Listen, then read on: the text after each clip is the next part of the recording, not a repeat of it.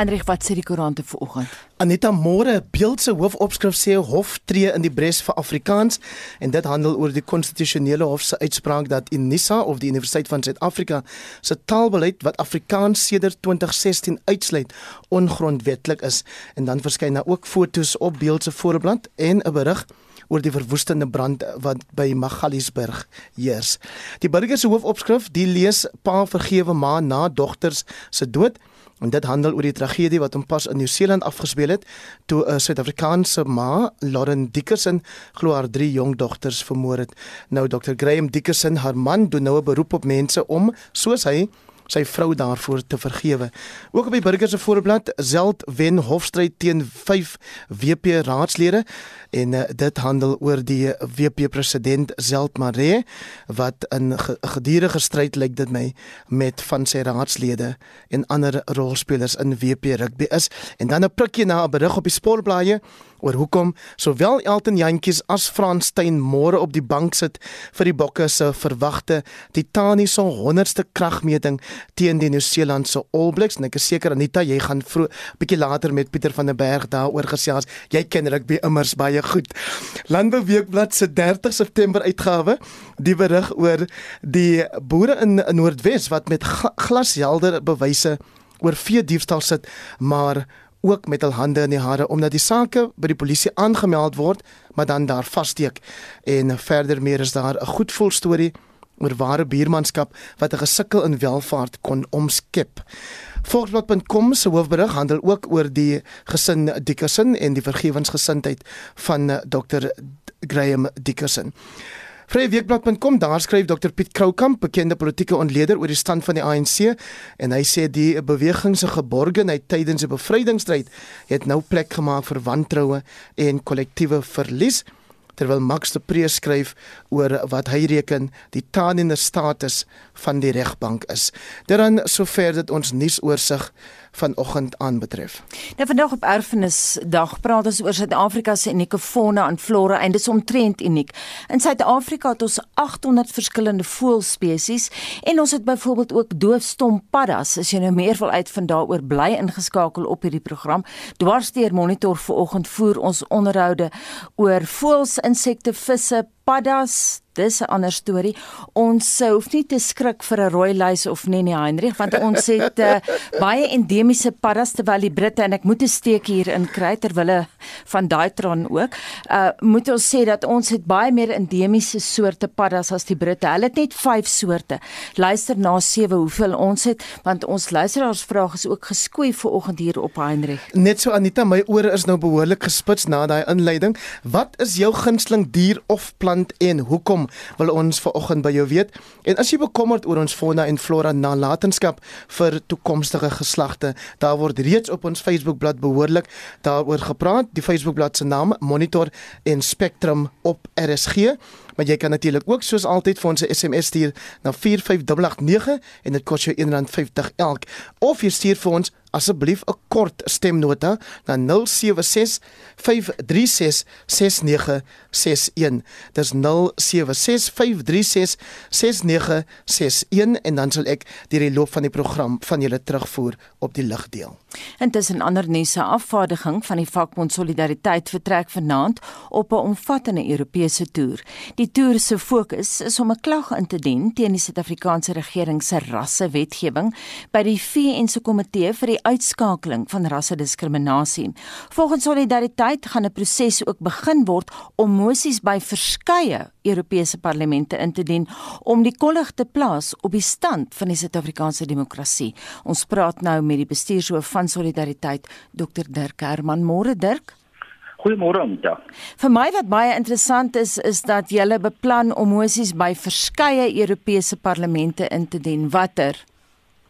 Nou dit gaan ongelooflik interessant wees. Die moties is natuurlik om druk te plaas op Suid-Afrika en natuurlik om die debat oor Suid-Afrika in die internasionale wêreld te voed.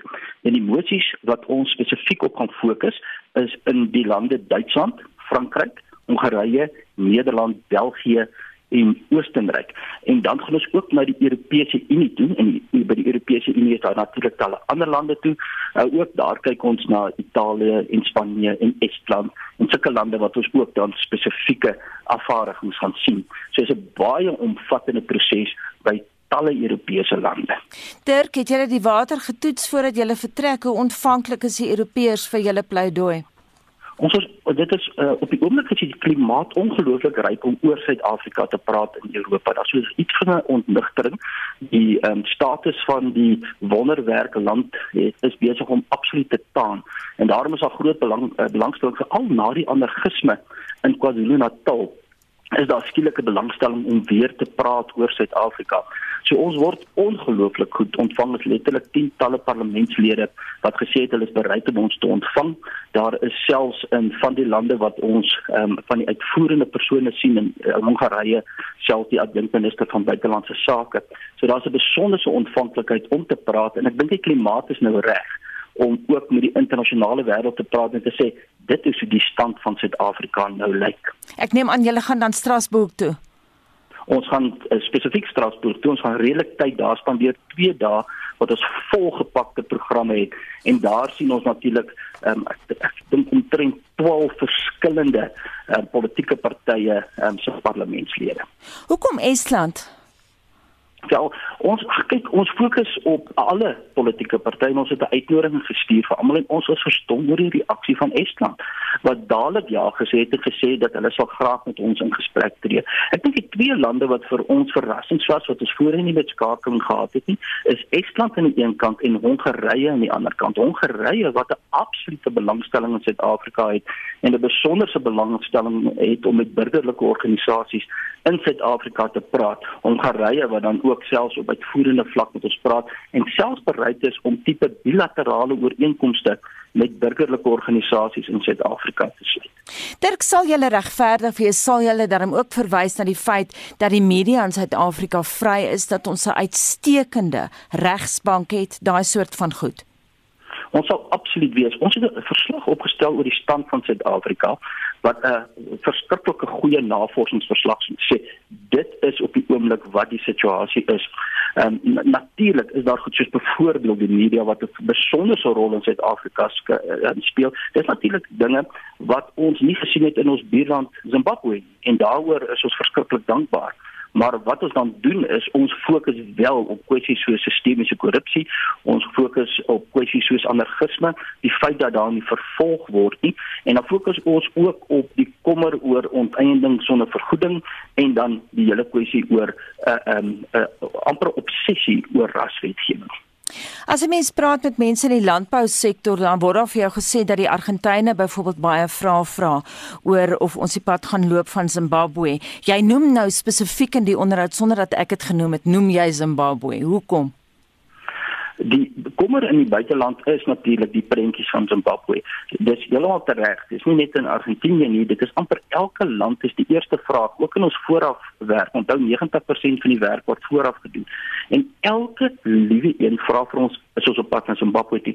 Dit is die prentjie wat die buiteland op die oomblik het. En onthou dit was maar erge prentjies gewees en dit het hulle nog steeds en dit is hulle groot groot kommer op die oomblik is ons op pad na Zimbabwe toe. En dit is op die oomblik ongelukkig die maatstaf waaraan die buiteland um, Suid-Afrika meet. Nou ons doen tereg soos jy sê moeite om 'n gebalanseerde prentjie aan te bied, maar gebalanseerde prentjie is ongelukkig ook 'n harde prentjie wat die ANC betref. Ons skets dit egter ook dat in Suid-Afrika is daar 'n klomp magsentrums wat help om balans te bring wat ons glo sal veroorsaak dat ons nie in Zimbabwe pad loop nie. Maar die harde prentjie is wel dat ons regering het wat besig is om um, te veroorsaak dat ons in 'n staat is wat uh, verswak en daarom is die buitelandse rol eintlik krities belangrik om te help om die uh, demokratiese uh, demokrasie te stabiliseer.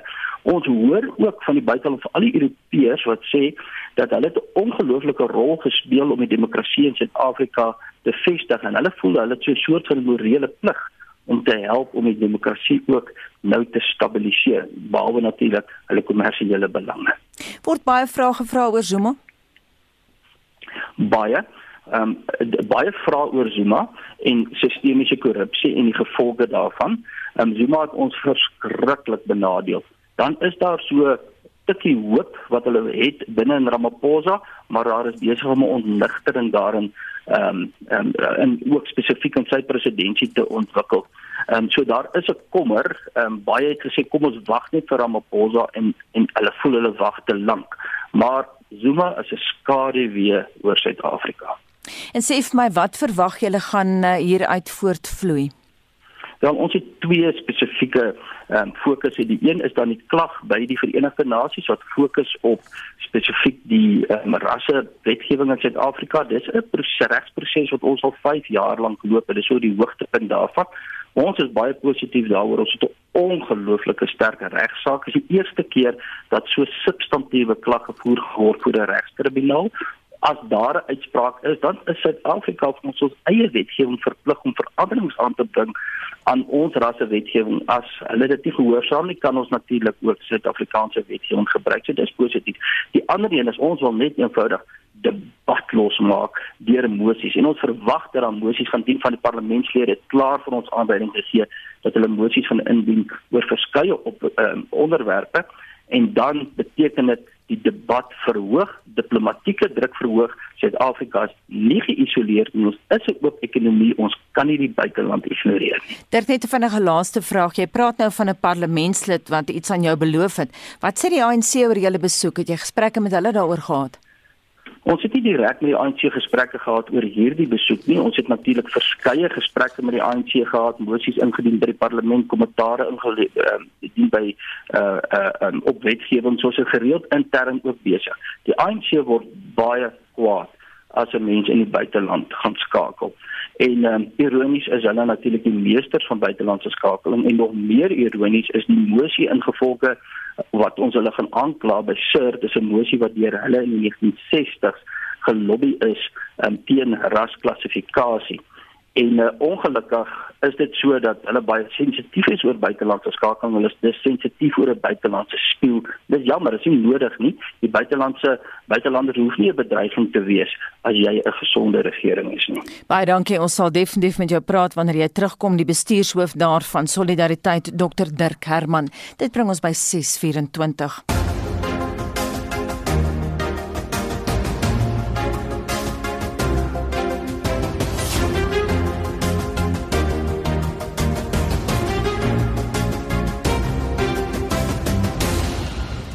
Die leier van die United Independent Movement wat die beweging onlangs as 'n politieke party geregistreer het, het pas sy verkiesingsveld tog geloods. Neil de Beer was lank betrokke by die ANC. Hy was ook 'n sakeman en hy het die United Independent Movement in Oktober 2020 gestig en ons praat ver oggend met hom. Goeiemôre Neil.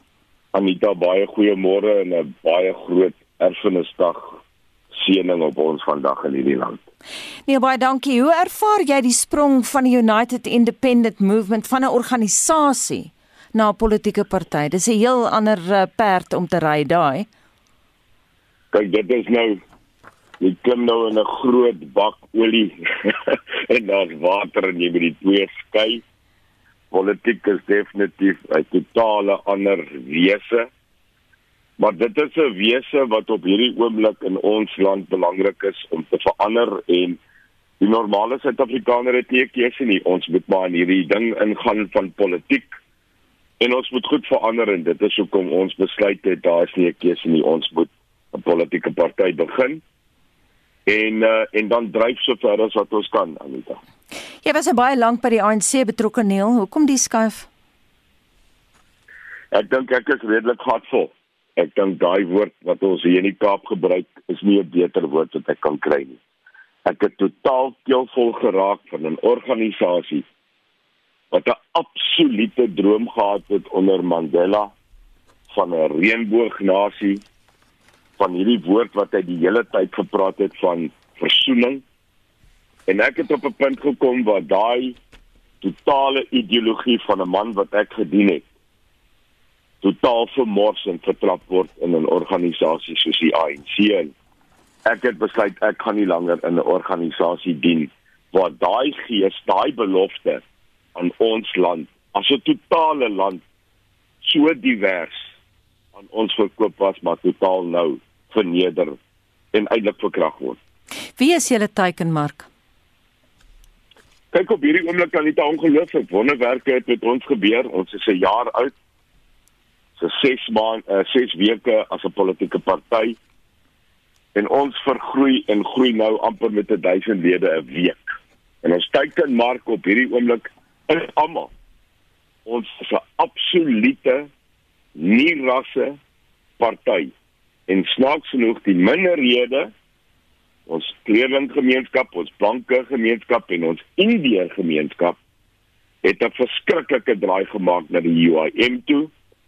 En in die afgelope 2 maande het ons ook in die meerderheidsmark, die Afrika swartmark, het ons 'n verskriklike insaag gehad in Mpumalanga, Soweto, Gugulethu in die Kaap en ook in Buffalo City. So ewe skielik het die UIM die alternatief geraak vir 'n nie rassige organisasie wat eintlik iets nou op die tafel sit wat geen ander op die tafel sit nie en dit dink ek is hoekom ons gegroei het in so 'n mate Anita. Neil, jy was nou 'n sakeman geweest. Wat dink jy van swart ekonomiese bemagtiging? Dit is weg, hoor.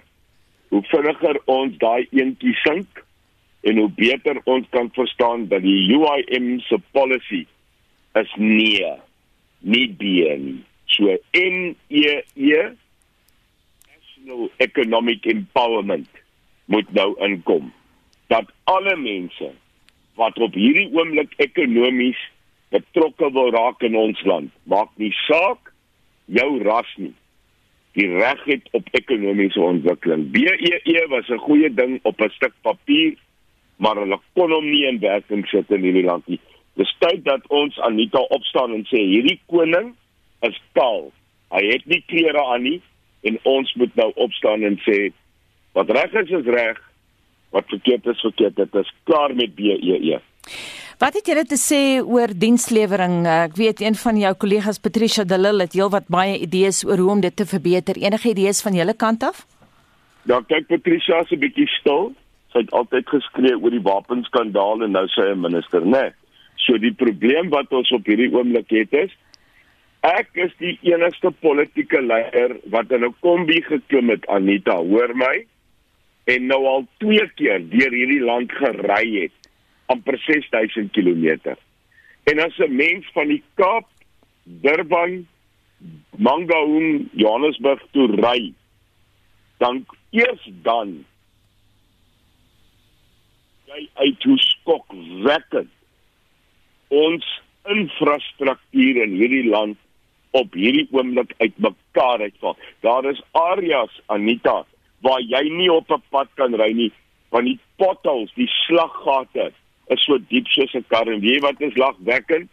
Wat lagwekkend is, is ons sit 'n verkeersteken langs die pad wat sê potholes. Mm. Maar ons sit nie reg nie. Mm. Nee, ek besef dit. Ek meen ek woon in in Mpumalanga, dis my tuisprovinsie en daar lyk dit verskriklik erg. Maar hoe gaan julle dit regryk? Gaan julle van die afgetrede ingenieurs gebruik? Wat gaan julle doen om dit te verander? Die taak vir besigheidsman en 'n mens wat 'n besigheidsman is, dis nou 3 kwart van hierdie donkies wat op hierdie oomblik in die parlement sit. Hulle weet nie eens wat geld inkomste beteken nie want hulle vat. En ons moet onmiddellik omdraai en sê dis 'n besigheidsplan as jy 'n pad het en die pad het 'n probleem, dan moet jy begin by die begroting wat aangewend word en nie die geld steel nie. En dis ons probleem. Die UIM sê as daar uiterlike korrupsie in hierdie land is, moet ons ophou sê Anita, dis korrupsie. Dis diefstal. Dis nie korrupsie nie. En daai mense in die eerste plek moet tronk toe gaan. Die tweede ding is ons moet 'n onmiddellike plan by mekaar sit. We call it a direct intervention plan for infrastructure, a DII. Ons moet onmiddellik kyk watter infrastruktuur is besig om inkeen te stort. Die munisipaliteitsverkiesing gaan eintlik niks oor politiek nie. Dit gaan wees oor dienslewering. Ons moet ingaan as 'n plek en sê ons sê die infrastruktuur van hierdie land totaal laat verbrokkel. Ons moet dit opbou gemeenskap by gemeenskappe. En die plan is simpel. Gaan munisipaliteit toe, stop die diefstal, kers begrotings terug en begin werk want die mense sit op hulle agterente en hulle doen niks meer diens nie. Baie dankie en daai vurige uh, pleidooi kom van Neil de Beer. Hy is die stigter en die president van die United Independent Movement en dit bring ons by 632.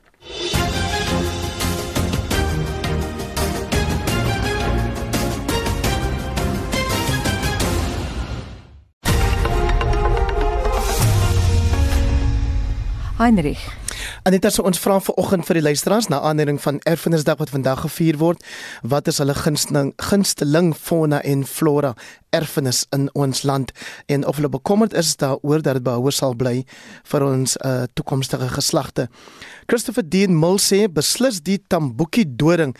Nou en ek weet nie of ek hierdie woord reg uitspreek nie, maar die wetenskaplike naam lyk my is Erythrina acanthocarpa. Hey, hierdie aantreklike struik kom natuurlik voor in die Komani Queenstown distrik in die Oos-Kaap. Ehm um, sê Christopher, 'n gebied wat eens as Tambukiland bekend gestaan het. Die plant is endemies vir hierdie en moontlik aangrensende distrikte en kom nêrens anders ter wêreld voor nie. In sy natuurlike habitat vorm die plante dikwels lae, regtes en bedek hulle groot stukke land. Vroeë reisigers het gerapporteer dat hierdie gebiede 'n rooi vuur was gedurende die lente en vroeë somer as dit blom, maar die plant is ongelukkig nie meer so algemeen nie. Loot laat weet 'n olifant is sy gunsteling dier en 'n krematartboom is sy gunsteling plant of boom dan nou. En uh, hy reken daar's geen ander twee bome wat dieselfde lyk soos vingerafdrukke nie. My gunsteling plant is Strelitzia en uh, my voël is die gunsteling voël is die kleurvolle troupand skryf Anne Marie. En dan uh, een van Rein wat uh sê my gunsteling plant is en ek hoop nou ek spreek hierdie ook reg Geranium animonifolium. Dit uh, lyk glad nie soos die gewone geranium nie en het 'n pragtige varingagtige blare sê een na 2 jaar stoot daar 'n blomkop uit met pers blommetjies, daarna vrek die plant maar jy het honderde saaitjies wat 'n jaar later weer opkom. En dan Christof van Brits wat sê goeiemôre, ek kan nie regtig kies tussen diere nie, ek het deernis en liefde en groot respek vir alle diere. My honde kind is my hart se punt plante, bome, alles as ek baie lief voor. En dan Samuel Walters daar uit Gouda uit wat skryf dat sy gunsteling plant is die koning Protea en dat sy gunsteling dier die rooi kat is. So Anita is ook baie stil op die um, paaie vanoggend, maar laat ek net vinnig noem dat daar wel besige verkeer is by die Pumulani Plaza, daar in Pretoria op die N1 en dan ook by Hammanskraal daar by die Carousel Tol Plaza. So mense wat in daai rigting beweeg, moet maar net bedag wees daarop. Hulle wat natuurlik weggaan vir die lang naweek terwyl ons hier sit en wag vir terugvoer van jou by 4589 teen 150 elk. So Heinrich sê asseblief skryf tog vir ons. Net 'n interessante feit, Heinrich, 10% van die wêreld se insekspesies kom voor in Suid-Afrika en Suid-Afrika se kuslyn is een van die unieke marine provinsies ter wêreld. Dit het sowat 2800 spesies vis. So bly ingeskakel vir meer inligting oor jou erfenis en dit is nou wat jy om jou sien. 636 welkom by Monitor en harde nuus, politieke nuus, oud-president Jacob Zuma dreig om 'n strafregtelike klag teen die aanklaer in sy korrupsiesaak in te dien oor 'n doktersbrief wat in Augustus glo aan die media gelek is. Dit het aan die lig gekom toe die regspanne hulle betoë in die Pietermaritzburg se Hooggeregshof afgesluit het in Zuma se aansoek dat die staatsaanklaer, advokaat Billy Downer, hom aan die saak moet onttrek. Zuma en die Franse wapenmaatskappy Thales staan tereg op aanklagte van korrupsie, rampokkery en geldwasery in verband met 1999 se wapenaankope, Dries Liebenberg berig. Advokaat Dalium Pofu het aan die hof gesê Zuma voel baie sterk oor die beweerde uitlek van die doktersbrief in Augustus. Die hoof van die weermag se geneeskundige dienste het die owerhede en regspanne in die brief ingelig dat Zuma met 'n moontlik lewensgevaarlike toestand gediagnoseer is en dat hy 'n operasie moet ondergaan. Dit was terwyl Zuma 15 maande tronkstraf weens managting van die konstitusionele hof uitgedien het. Mediese parol is sedertdien aan Zuma toegestaan en hy is steeds onder mediese sorg. Advokaat Wim Trengove het namens die staat betoog dat die brief sonder voorbehoud aan Downer gestuur is. Downer het 'n beëdigde verklaring opgestel en dit saam met die brief by die hof ingedien. Trengove sê die dokumente is eers daarna aan 'n joernalis verskaf omdat dit toe openbare dokumente was. Mpofu het egter van Trengove verskil. They released an unsigned document to a journalist. So an unsigned document to a journalist before it is served and filed, my lord, cannot by any stretch of the imagination be called a public document. Mpofu het gesê die wet op die openbare vervolgingsgesag verbied die bekendmaking van inligting sonder die nodige magtiging. Anybody, my lord, yourself, my lord, with respect, me, anyone else, how would you feel if your family members find out from a newspaper report that you suffer from a condition which poses a significant risk to your life and you are told that that's merely and people relatives friends must find that out for the first time because of a leakage from the NPA As die verdediging met sy aansoek oor Downer slaag, vra hulle die hof om getuienis aan te hoor oor beweerde vooroordeel en politieke inmenging deur die vervolgingsgesag. Trengo het gesê so 'n soort ondersoek bestaan nie in die Suid-Afrikaanse reg nie. Hy sê die verdediging probeer om nuwe lewe in ou argumente te blaas wat reeds in ander howe misluk het. There are no material disputes of fact. Mr. Zuma realizes he hasn't the case on the papers at all. He's not asking for an opportunity to adduce any other evidence. He realizes that his conspiracy theories do not stand up against the credible first hand refutation of those conspiracy theories. And therefore, he asks for a fresh, judicially initiated inquiry into the question whether he has a special defense. Op sy beurt het Mpofu gesê ander howe het gesê hierdie aspekte moet ondersoek word deur die hof wat Zuma se verhoor behartig. Those cases referred those matters to the trial court. It's not, I don't understand how anyone can say, no, you are now precluded from dealing with those matters, which were specifically referred by the SCA or other courts to this court. And the um, trial court, of course, has to deal with it in the normal fashion, which is where we are now. Once the plea has been entered, then it, it can be dealt with.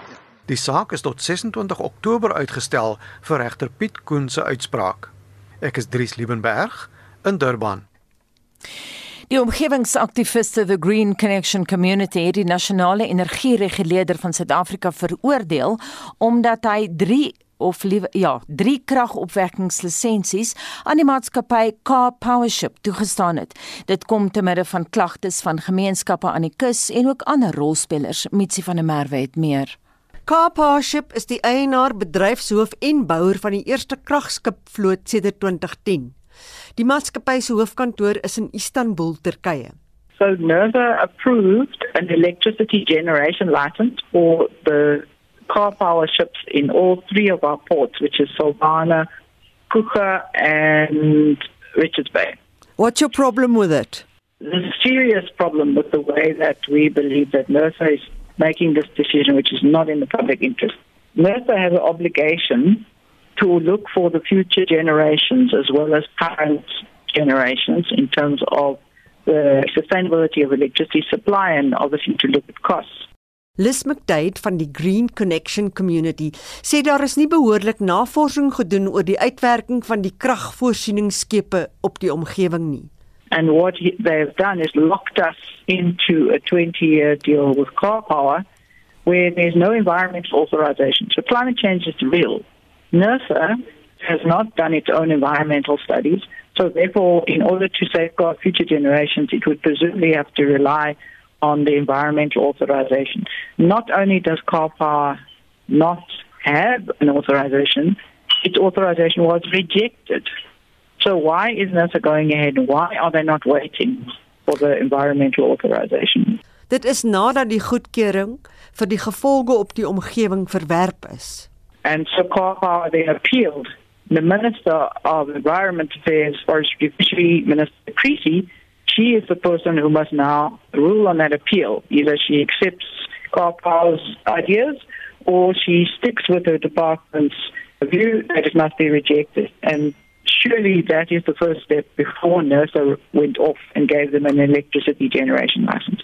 Daar is geen betekenisvolle studie gedoen oor die gevolg van die klank onder die water van kragvoorsieningsskepe op die see lewe nie. livelihoods of fishers would therefore be impacted if the fish are negatively impacted. We don't have that answer. And therefore, in the precautionary principle says until you have the answer, you don't just go ahead.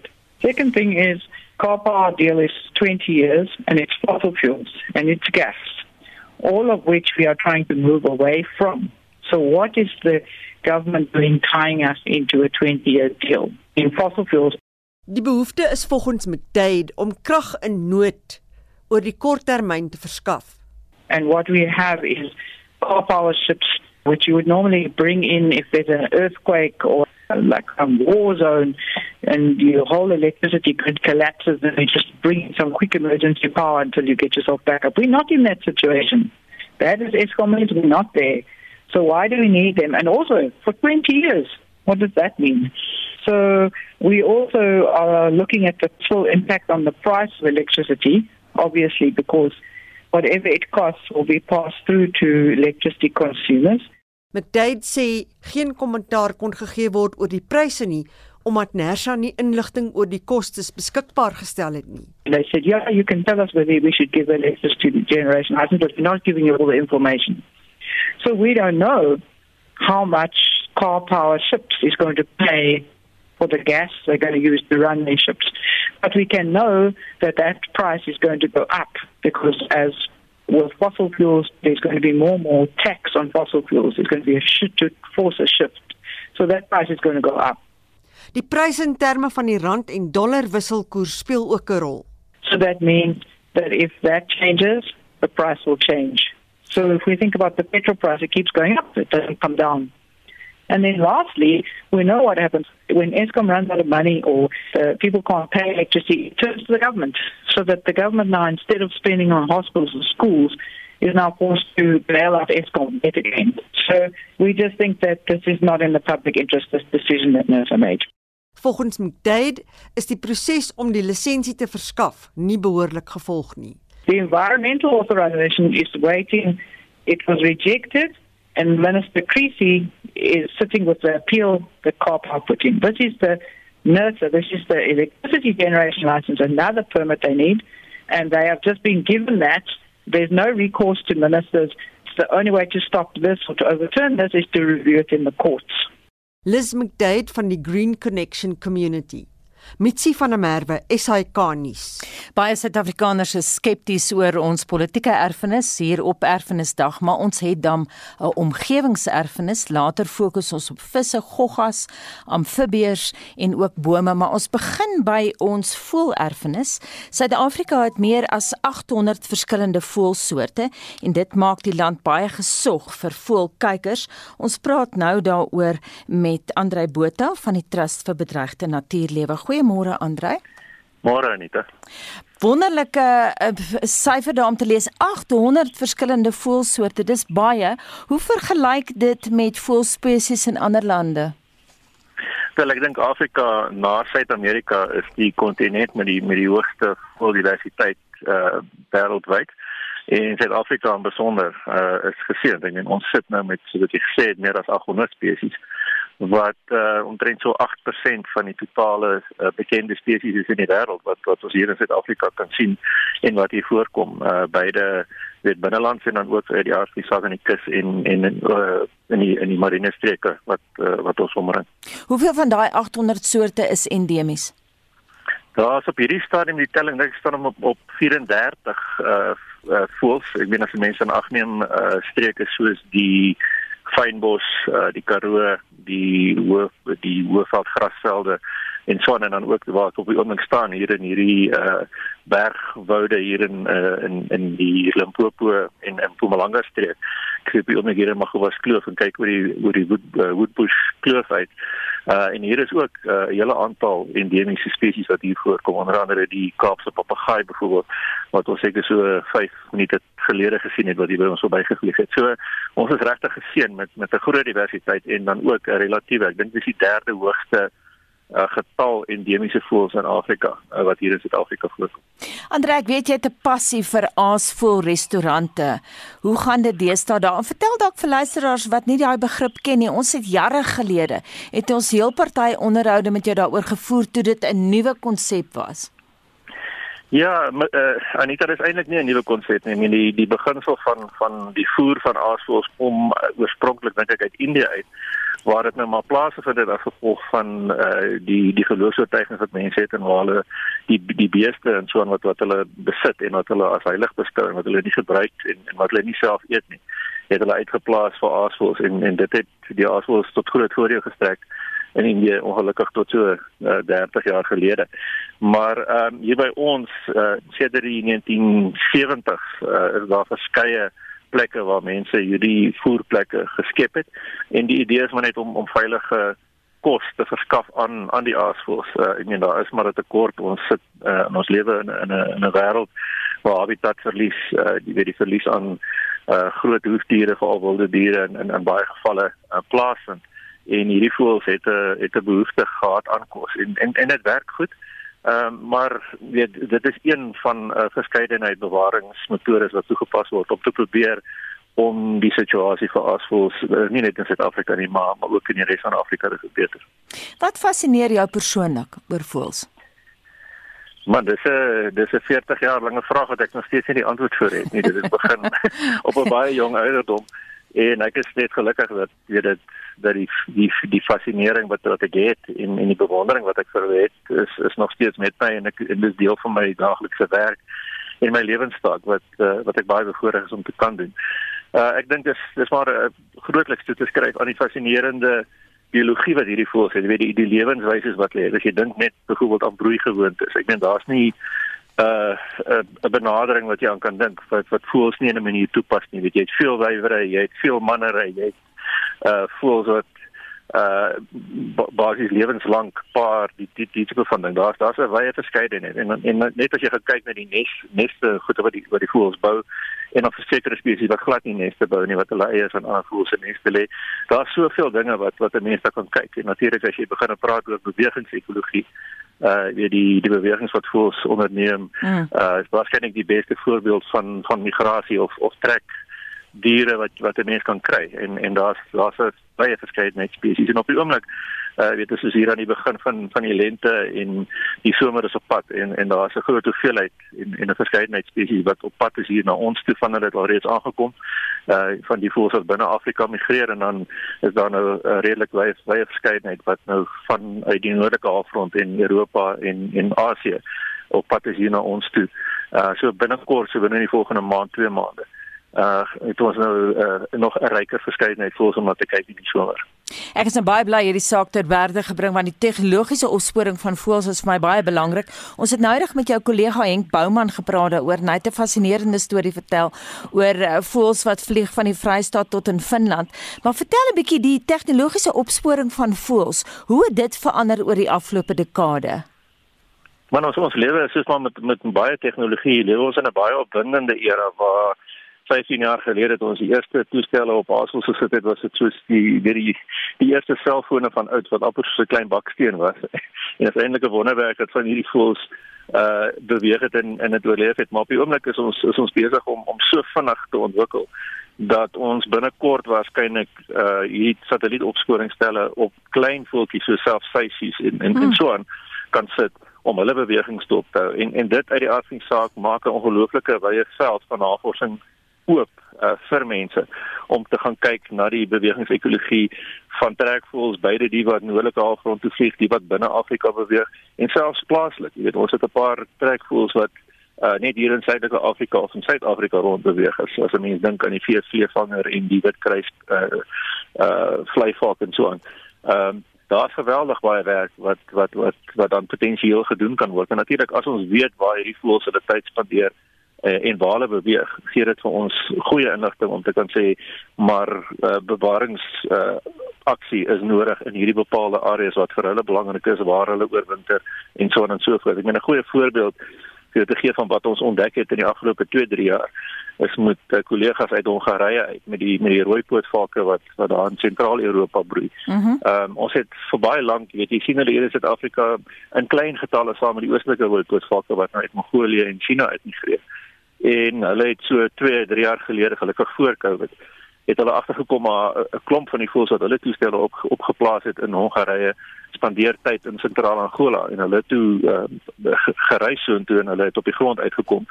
En uh, hulle het ontdek dat daar 'n oorwinteringsgroep van tussen 1 en 3 miljoen van hierdie rooipootvalke is wat in hierdie sentrale deel van Angola hulle tyd spandeer in in in die noordelike winter en dan weer terugvlieg. En en weet dit is hierdie ongelooflike opwindende ontdekkings wat ons maak in terme van die voëls en hulle bewegings en en en wat hulle doen. Uh, en dit is uh, dit is wat jy gesê het in die die fascinering en die in die opwinding wat wat daarmee gepaard gaan is as 'n mens hierdie ontdekkings maak en en tyd saam met hulle spandeer en amper amper deur van 'n lewensloop uh wat ek dink wat wat dit ongelooflik verrykend maak. Baie dankie. Ek is jaloers dat jy uh, in uh, Magubas Kloof is en ek sit in 'n ateljee in Johannesburg geniet dit namens ons almal. Dit dan Andrei Botha van die Trust vir Bedreigde Natuurlewe. Dis byna 5 uh voor 7 en nou kyk ons na ons SMS terug vir Heinrich. Aneta ja, Susan Engelbrecht uh, sê sy het vanmiddag, maar dit was gister geluister weer na hoe heuningbye bedrieg word of bedreig word seker en uh, ons het mos nou baie uh, breedvoerig daar daaroor berig die afgelope paar dae. Randall de Jong is bekommerd. Hy sê olifante en rooi bokke is besig om ons nasionale parke te vernietig. Ek love hulle, maar dit raak nou ernstig hier in die kreer. En dan ehm um, iemand anders wat skryf, ek is oor die rommelbesoedeling in Suid-Afrika bekommerd, want selfs die visse en diere ly daaronder. My gunsteling plant is die boslelie wat tans in die blom is en die duifies, rooibors en groot ringnek duwe wat daagliks in my tuin lewe gee en die vele klippe wat my tuin versier. Martinus Pieter Kraus sê verkleermannetjies is my mooiste reptiel. Hulle blend oral in en hy hou ook van die Hottentots god. Marian Kerstyn sê alle plante, diere, see diere en voëls moet beskerm word. Veldbrande en stroopers vernietig die natuur. Die mens is natuurlik afhanklik van plante vir suurstof en die diere is net so belangrik so hou die verhouding met die natuur reg. Carla Botha sê ook die klein steenbokkies vir haar die mooiste dier en 'n mens moet maar bekommerd wees oor alle fauna en flora reg oor die wêreld want met die mensdom oorleef bitter min. Rex Bester haal vir Leo Tolstoy aan wat gesê het one of the first conditions of happiness is that the link between man and nature nature shall not be broken. Dan van ons terugvoer tot sover Anita 4589 is die SMS nommer waar toe jy vir ons kan laat weet wat jy te sê het teen 150. Vinnige vraag aan jou, wat is ons nasionale vis? Anita, dis seker die snoek. Nee, dit is nie die snoek nie. As jy wil weet wat dit is, bly ingeskakel. Dit bring ons by 7 uur.